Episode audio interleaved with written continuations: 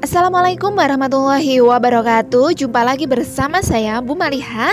Kali ini kita perjumpaan di episode yang kedua Tentang pengetahuan Allah subhanahu wa ta'ala tidak terbatas.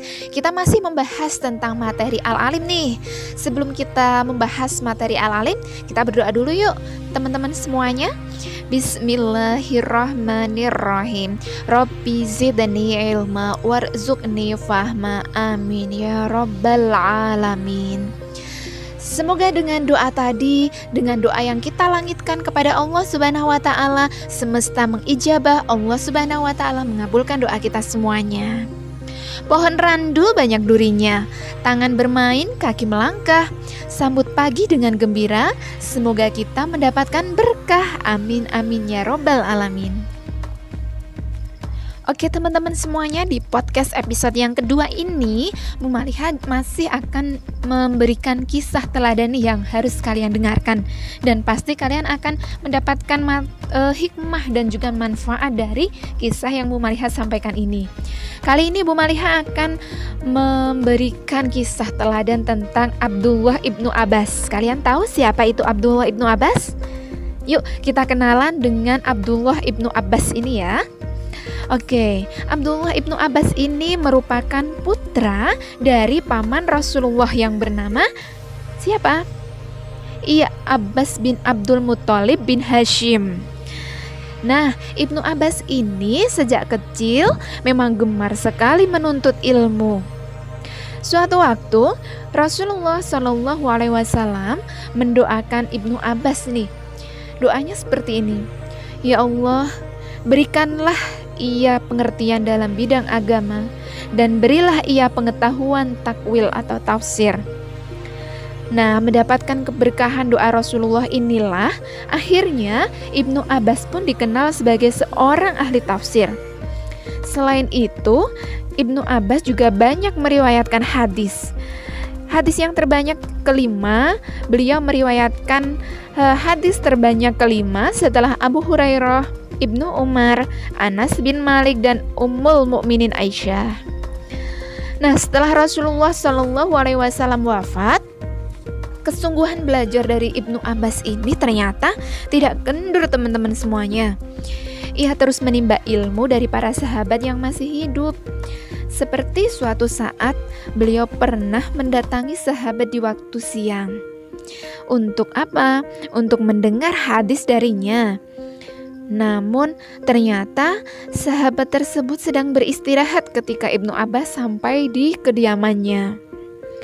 Ibnu Abbas lalu menunggu di depan pintu hingga Ibnu Abbas ini ketiduran dan kemudian mukanya terkena debu.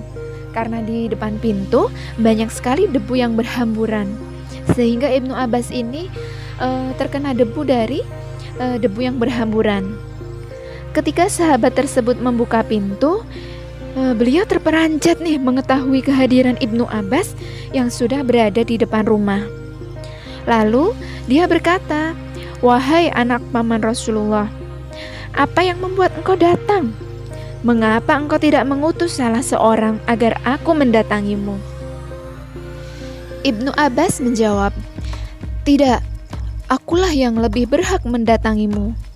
telah sampai hadis kepadaku darimu bahwa engkau mendengar dari Rasulullah Shallallahu Alaihi Wasallam dan aku ingin mendengar langsung darimu. Nah teman-teman semuanya dari kisah tersebut ini menandakan nih bahwasanya Ibnu Abbas ini sangat giat sekali dalam menuntut ilmu. Meskipun beliau dari kerabat Rasulullah Shallallahu Alaihi Wasallam, tetapi beliau tidak menggunakan kekerabatan dari Rasulullah, hubungan kekerabatan dari Rasulullah ini untuk bersantai-santai, untuk bisa e, mengharapkan ilmu itu datang sendiri kepadanya. Tidak, tetapi Ibnu Abbas ini justru memiliki semangat nih untuk mencari dan menuntut ilmu bahkan mendatangi sang guru. Nah, dari kisah Ibnu Abbas ini mengisyaratkan pesan bahwasanya ia tak mau diperlakukan istimewa juga ya ketika menuntut ilmu, meskipun dia adalah sepupu dari Rasulullah.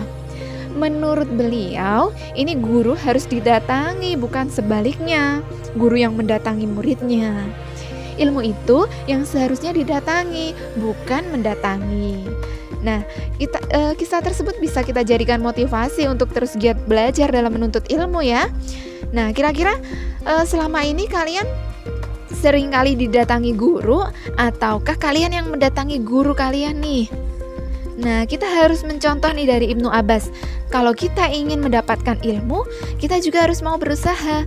Berusaha untuk mendatangi sang guru, untuk belajar, bukan dioyak-oyak bapak ibu guru, kemudian harus dijemput di rumah untuk belajar. Nah, jangan sampai seperti itu ya. Kita harus semangat dalam menuntut ilmu. Dan perlu kita ketahui, teman-teman semuanya, bahwasanya Allah Subhanahu wa taala ini menyuruh kita untuk terus menggali ilmu sebanyak-banyaknya. Agar apa? Agar kita mampu mengetahui ciptaan dari Allah Subhanahu wa taala, baik yang ada di langit maupun yang ada di bumi. Nah, karena kita sebagai manusia ini oleh Allah Subhanahu wa taala ini ternyata sudah dibekali yang namanya akal. Nah, akal fungsinya untuk apa? Ya jelas fungsinya untuk berpikir. Maka dari itu ketika kita sudah diberi akal oleh Allah Subhanahu wa taala, itu tandanya kita harus manfaatkan betul. Kita gunakan untuk menuntut ilmu, kita gunakan untuk mencari, mengetahui, menggali informasi tentang uh, seluruh ciptaan Allah Subhanahu wa taala. Karena apa? Sesungguhnya Allah Subhanahu wa taala ini sangat menyukai orang yang rajin mencari ilmu pengetahuan dan mengamalkannya tentu saja. Semuanya, ilmu ini adalah cahaya atau pelita bagi manusia. Tanpa ilmu, tidak ada yang namanya peradaban. Banyak sekali hadis mencari ilmu yang bisa kita jadikan pegangan bagi setiap muslim untuk terus belajar dan sebagai motivasi belajar kita nih. Lantaran sangat besar keutamaannya orang-orang yang berilmu. Seperti dalam Quran surat Al-Mujadilah ayat 11 di situ dijelaskan bahwasanya orang yang menuntut ilmu ini akan ditinggikan derajatnya oleh Allah Subhanahu wa taala. Dalam hadis mencari ilmu, ini ternyata anjuran menuntut ilmu ini e, dianjurkan mulai dari sejak lahir hingga akhir hayat. Rasulullah Shallallahu Alaihi Wasallam ini telah bersabda, "Utlubul ilma minal mahdi ilal lahdi."